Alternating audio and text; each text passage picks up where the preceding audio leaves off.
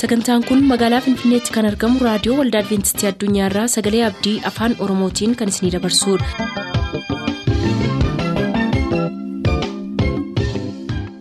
harka fuuni akkam jirtu dhaggeeffattoota sagalee abdii nagaa keenyattaan sun har'aaf qabannee kan isiniif dhiyaannu sagantaa mallattoo barichaati nu waliin tura.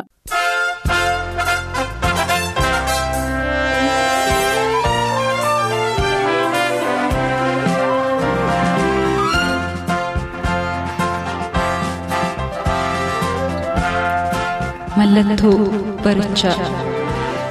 Mallattoo barichaa.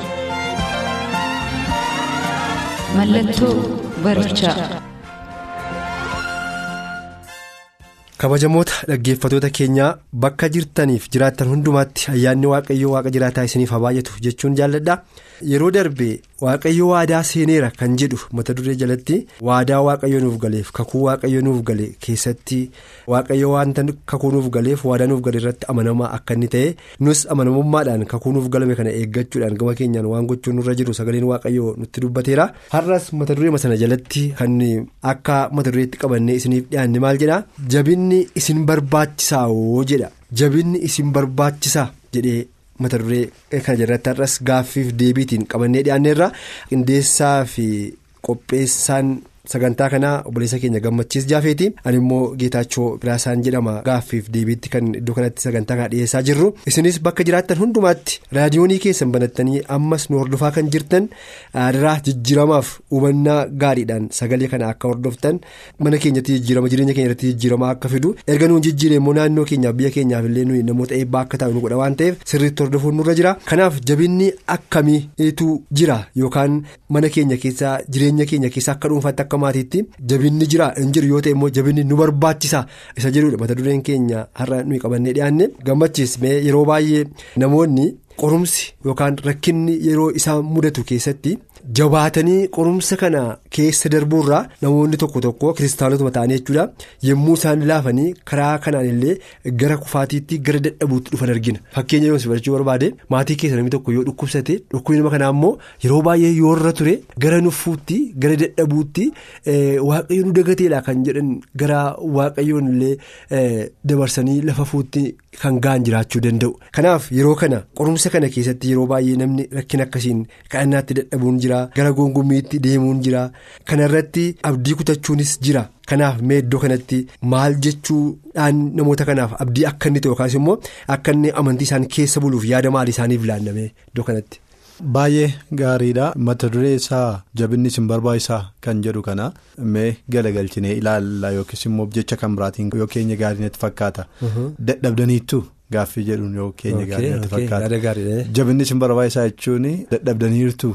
Gaaffii jedhudha. Yoo dadhabdeen jirtu ta'e jabinni si barbaachisu. Yoo dadhabuu kee beekte garuu jabinni si barbaachisa deeggarsi si barbaachisa gargaarsi si barbaachisa nama ol si qabu nama si utubu nama si dhaabutu si barbaachisa wanta ta'eef dadhabdaniittu akka jechuuti jechuudha gaaffiin kun. Kanaaf egaa yeroo darbe walii wajjin hin ilaalu akkuma jalqabnee turre waaqayyo waadaa seenee qaba ijoollee isaatiif. Ijoollee isaatiif waaqayyo waadaa seenee qaba. Waadaa isaaniif seenee kana keessa ijoollee isaatiif jabina ta'uun warra dadhaban jabeessuun abdiinni. Ijoollee isaatiif kenne keessaa tokkodha jechuudha. Egaa waaqayyoon amanamaadha jenneerra yoo namni dadhabee jiru jiraate dhaggeeffattoota keenya kana keessaa.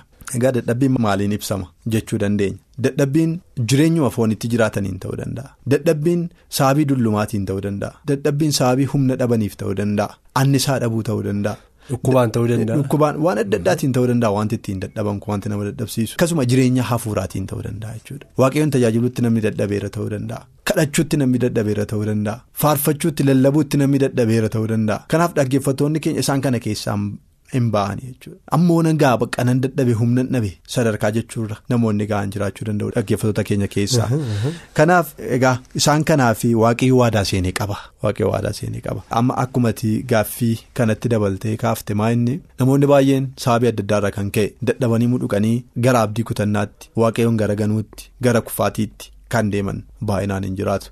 Kun kan inni dhufu maalirraati? Yeroo darbe heertuun nu ilaalle tokko jira ture. Qorontoon isa duraa boqonnaa kudha lakkoofsa kudha sadii irratti immoo ilaalle. Waaqayyo amanamaa wanta ta'eef qorumsa humna keessanii ol ta'e isinitti hin fidu jedhe waadaa seeneera. Kana wallaaluutu namoota baay'ee maal godhaa? Akka dafnee abdii kutannu akka harka laannu akka dadhabnu akka mudhugnu kan nu godhu kanadha. Qorumsi nutti dhufa lafarreerra waanta ta'eef qorumsa keessaa walaba ba'uu kan nuyi dandeenyu gaafa samiidhaan ni duwwaadha gaafa kiristoos yesus deebi'ee dhufee nu furee duwwaadha. Amma gaafa sanaatti garuu qorumsi biyya lafaa keessatti nurra jira qorumsa nutti dhufe garuu humna keenyaa olii yenna yeroo baay'ee humna keenyaa olii nan dadhabe.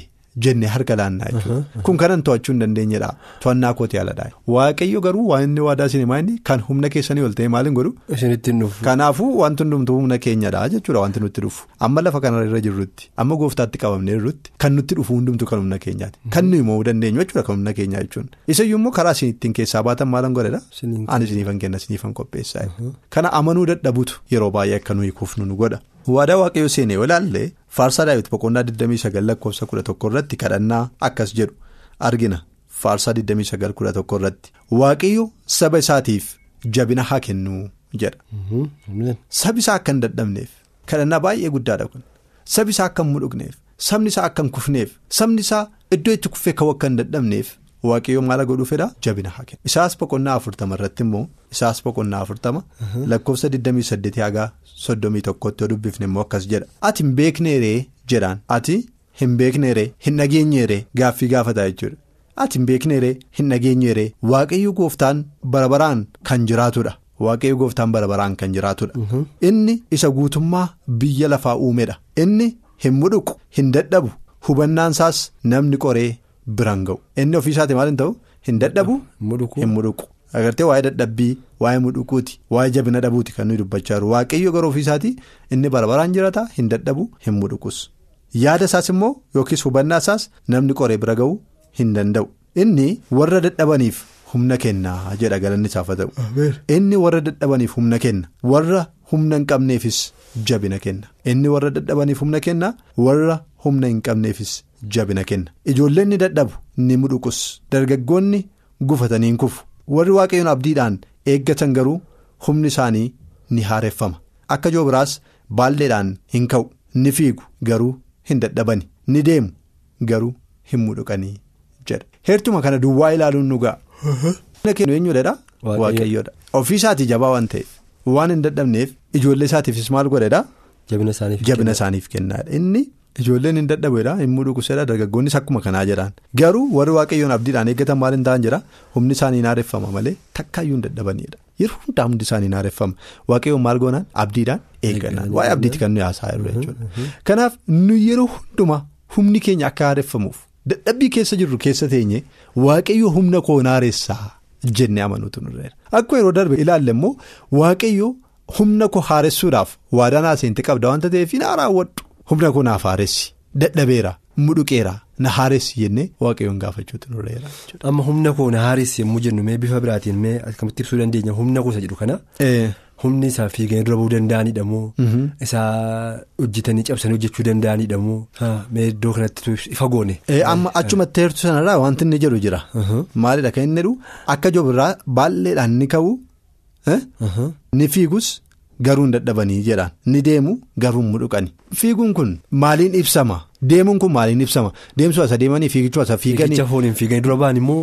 Waa'ee sanaa miti kan inni haasa'u sanas ta'e kana garuu jireenya fooniitti jireenya jiraannu keessattis waaqayyo humna keenyadha humni keenya isumadha hojjetachuudhaaf daldaaluudhaaf soquudhaaf aramuudhaaf hojii waajjira keessaa teenyee hojjechuudhaaf kan humna nuuf ta'uu danda'u waaqayyo duwwaadha kan biraa iddoo finnu hin qabnu humna ofii keenyaa. Jabina ofii keenyaa hin qabu maddi kan biraan hin jiru. Isaafis waaqayyoodha akkuma hin jedhe garuu dadhabbii foonii duwwaatu hin ta'e jireenya hafuuraattis dadhabbiin jira.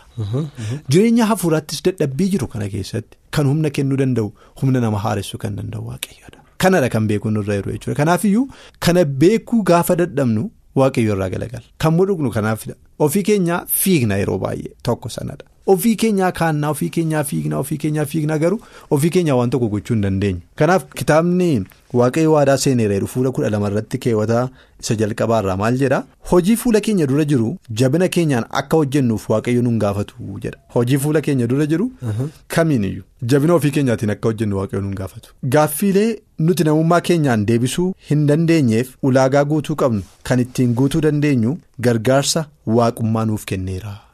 Gaaffii ofii keenyaa deebisuu hin dandeenye. Hojii ofii keenyaa hojjechuu hin dandeenye. Hundumaa tiif maal qabneedha gargaarsa waaqummaa qabne waaqayyoon nu gargaaruuf yeroo hundumaa nu bira jira. Kanaaf yeroo baay'ee kan nuyi dadhabnu ga'a asirrattidha waan humna keenyaan keessa dabarru waan nutti fakkaatuuf wallaansoo qabna.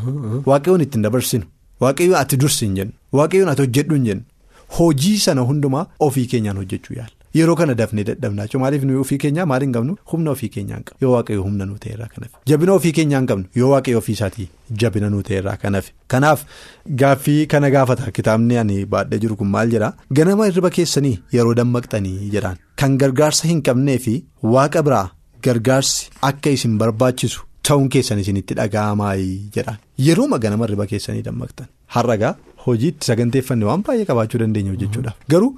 Raftanii dammaqxanii ofii keessanii humna kan hin qabneef waaqayyo biraa immoo humna argachuu akka dandeessan beektanii. Waaqayyo biraa humni na barbaachisa gargaarsi waaqayyoof deeggarsi waaqayyo na barbaachisa jettanii hin yaadduu akka itti yaaddanii beektu akka itti isinitti dhaga'ama. Kun yoo isinitti dhaga'ama ta'e waan sirriidha jechuudha sun. Humna waaqayyo biraa ganama fudhatanii ka'uudhaaf. Fedha keessanoo gaduuf deebisuuf garaa guutuudhaan waaqayyootti ni. Waan isin barbaachisu humnati isin barbaachisu yoo ta'e kana gaduuf deebisuudhaan hin dhiyeessitu. Yoo akkas kan gootan ta'e ergamoonni kadhata keessan ni galmeessu. Balaa hubannaa dhabuudhaan dogoggora hojjechuuf gochaa gara dogoggoraatti nama oofu. Hojjechuu isin dandeessisu keessatti hin kufinaa. Ergamoonni warri isin tiksan gara waan gaarii ta'etti akka isin adeemtaniif isin gargaaru. Jechoota isin dubbattan. Isiniif filu. Gochaa keessan irratti dhiibbaa gaarii godhu. Gammachuuf nagaa namni waaqayyoon akka dubbii isaatiitti fudhatu argatu jechi ibsuu hin danda'u. Rakkinaan hin raafamu. Anummaan fannifameera. Guyyaatii gara guyyaatti hojichi itti jabaachaa deemuu danda'a. Qormaannis baay'achuu danda'u. Rakkinni isaas jabaachuu danda'a. Haa ta'u malee waan isa barbaachisu hundumaaf jabina waan fudhatuuf hin bir'atu jedha. Waan isa barbaachisu hundumaaf gargaarsa waan argatuuf maal hin ta'u jabina waan argatuuf inni hin birratu yookiis hin raafamu kanaaf yoo ganama ganama yeroo kaanu yaa waaqayyo har'a hojiin hojjechuu barbaaduuf hojii ati natti laatteef hojii ati naa laatteef an humna hin qabu an jabina hin qabu jabinni koosii yoo kan jettan ta'e maal taatuudha waaqayyo waan isin barbaachisu hundumaa isiniif godha wanta ta'eef. Wanti isin sodaachisu yookiis wanti isin yaaddessu gara dogoggoraatti akka hin deemnee fi ergamoota isaanii isiniif ramadaa isaantu maal godhaa? Isin geggeessa miilli keessan maal hin ta'an hin gufatani dubbii isin dubbattan isiniif filama? Waa isin dubbattan afaan keessan keessa isinii kaa'ama. Kana caalaa maaltu barbaachisa? Kanaaf waaqayyo jabina keenyadha yeroo hundumaa waan iddoo fakkiyaaf namni jabaadha of se'u mataansaa jabinni isaa waaqayyoon akka ta'e beekuutu irra maaliif namni ofii isaatii waan tokko gochuu hin danda'u. Kanaafidha yeroo baay'ee namoota waaqayyo kan ta'an kitaaba qulqulluu keessatti yeroo waa'ee ofii isaaniitti dubbatan. Ani maali jedhuun ani eenyu? Kanaan kan nageesse addanaan kan nageesse kana hundumaa keessa kan na dabarsite ani eenyu? Jedhaniitu. Gaaffii kana gaafatu. Ajaa'ibsiifannaadhaan waaqayyoon yeroo gaafatan sana jechuun waaqayyo jabina keenya nuuf ta'eera. Waaqayyo nu geggeesseera. Iddoo dadhabnetti waaqayyo ol nu kaaseera jecha jedhudha. Kan inni of keessaa qabu. Gaariidha waaqayyo si yaabbisuu jechuun jaalladha ammas iddoo kanatti gaaffii an kaasuu barbaadu. Namoonni yeroo baay'ee jabinaafis ta'u rakkina isaan mudatee fi hin kadhatu. kadhatanii immoo waan isaan irratti kadhatan kun yeroo baay'ee isaan irra tura dafee deebii argachuu dhiisuu danda'an dadhabu yeroo isaan kadhatanii kadhatanii kadhatanii deebii dhabee kadhannaa addaan kutan jiraachuu danda'a namoonni baay'een jechuudha fakkeenyaaf amma anis atis kan beennu namoonni tarii mana isaanii keessaa firrii yookaan maatii keessa namni dhukkubsatee yeroo baay'ee dhukkubni kun. irra ture akka kiristaanaattis kadhatanii yommuu isaan deebii dhabanii gara abdii kutannaatti deeman amma akkuma sagaleen. Waaqayyooti dubbachaa turetti deeman yeroo hin jira. Kanaaf namoota kanaaf mee isuma amma dubbachaa turetti daballee sagalee abdii kutachuu kana keessatti gama isaaniitiin ammas kan hafee jiru maaltu jira yoo namoota dhukkubsatee waggaa jala bara kee jala lakkoofsee isaan ittiin dhiphachaa jiru ta'e yoo rakkinatti irra ture ta'e yoo jireenya bultoo geggeessuu irratti rakkinni jira ta'e namoonni kun ammas gama isaanii maaltu barbaachisa? Amma gaa waaqayyoo jabina keenya akka inni ta'e humna keenya akka inni ta'e aangoo keenya akka inni ta'e isa dadhabaallee akka inni humna isaa aaressuu danda'u. Isa kuufillee kan kaasu waaqa ta'uu akka inni danda'u sagaleen waaqayyootti dubbateera karaa hirtuu adda addaa. Ammas gama keenya gama namaatti ammas akka namaatti shooree nuyi taphachuun yookaan amantoonni keenya yookaan namoonni dhaggeeffachaa jiran kun taphachuun isaaniirra jiru yookaan isaanirraa eegamu maa inni jettanii yaadda. Wanti nuyi yeroo baay'ee dagannu jira kanaan duras kaaseera maa inni amma waa'ee gara abdii kutannaatti wantoota geessan kanaati. Yeroo darbe immoo kana kaafnee ilaallee. Yeroo baay'ee kan arginu namoota irratti kan arginu waan ta'eef.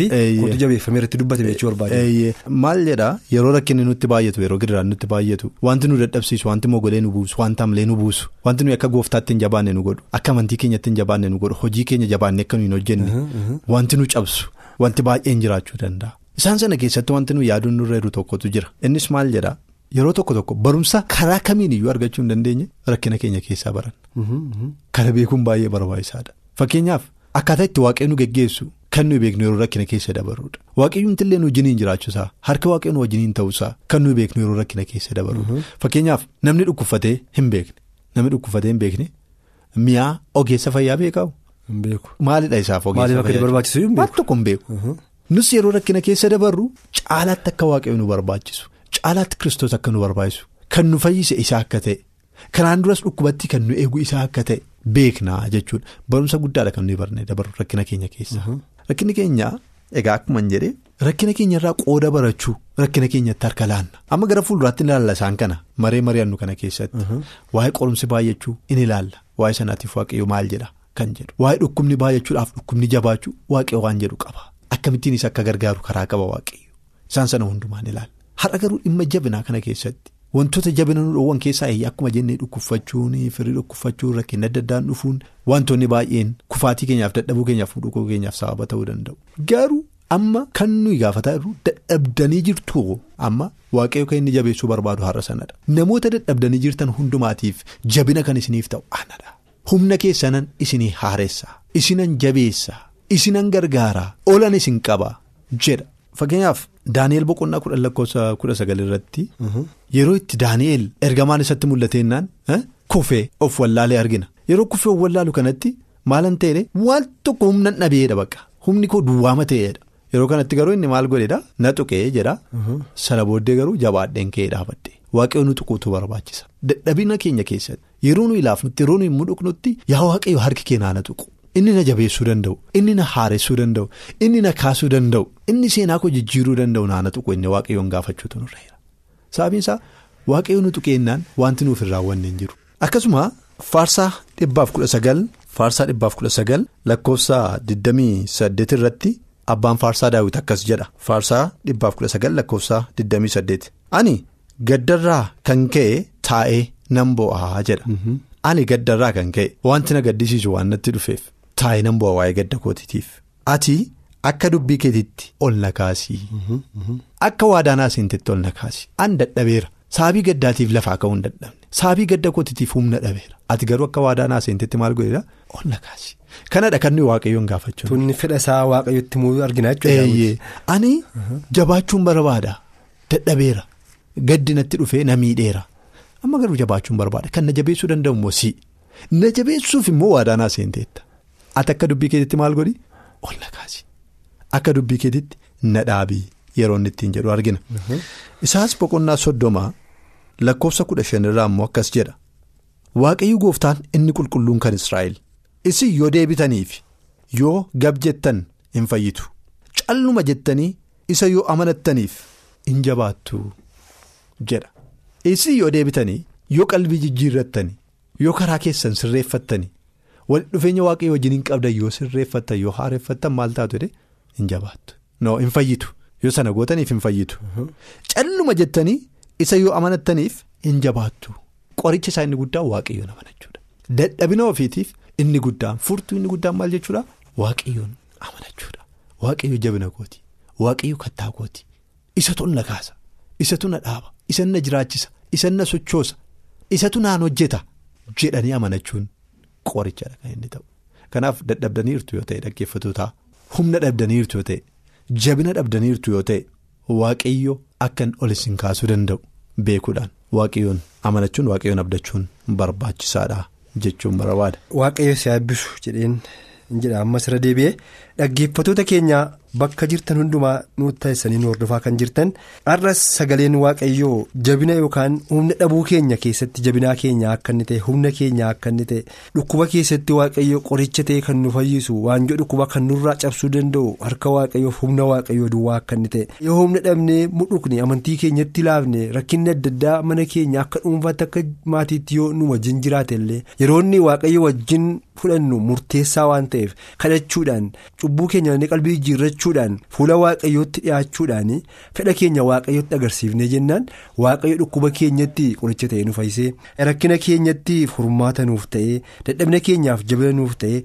rakkoo keenya hundumaa nurraa kaasuu kan danda'u waaqayyo amanamaa ta'uusaa sagaleen waaqayyo karaa addaa yeroo kana nutti dubbateera kanaaf egaa sagalee dhageenya kanatti. Amanamoota taanee itti jiraachuudhaan warra eebbifaman warra yaada isaanii qalbii isaanii fedha isaanii hundumaa waaqayyotti gatanii waaqayyo biraa gaaf tokko dhibee koo kanaaf furmaatiin dhufa jedhanii harka waaqayyoof gara waaqayyoo kan ilaalan namoota akka taanuuf waaqayyo iddoo jirru hundumaatti ayyaana isaa nuuf haa baay'isu obboleessa keenya gammachiis qopheessaaf qindeessaa sagantaa kanaan waaqayyo si eebbisu jechuun jaalladha bakka jirtan hundumaatti amma sagantaa biraan deebinee yeroo biraa wal agarrutti ayyaanni waaqayyo isiniif haa baay'atu nagaan turaa waaqayyo isin eebbisu.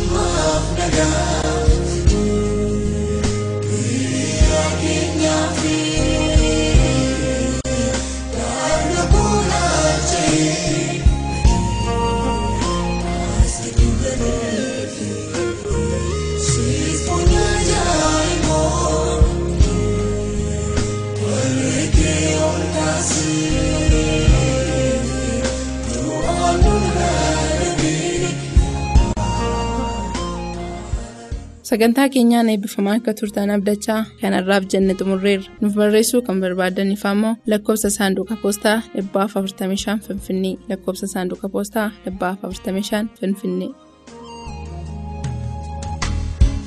Kajeelina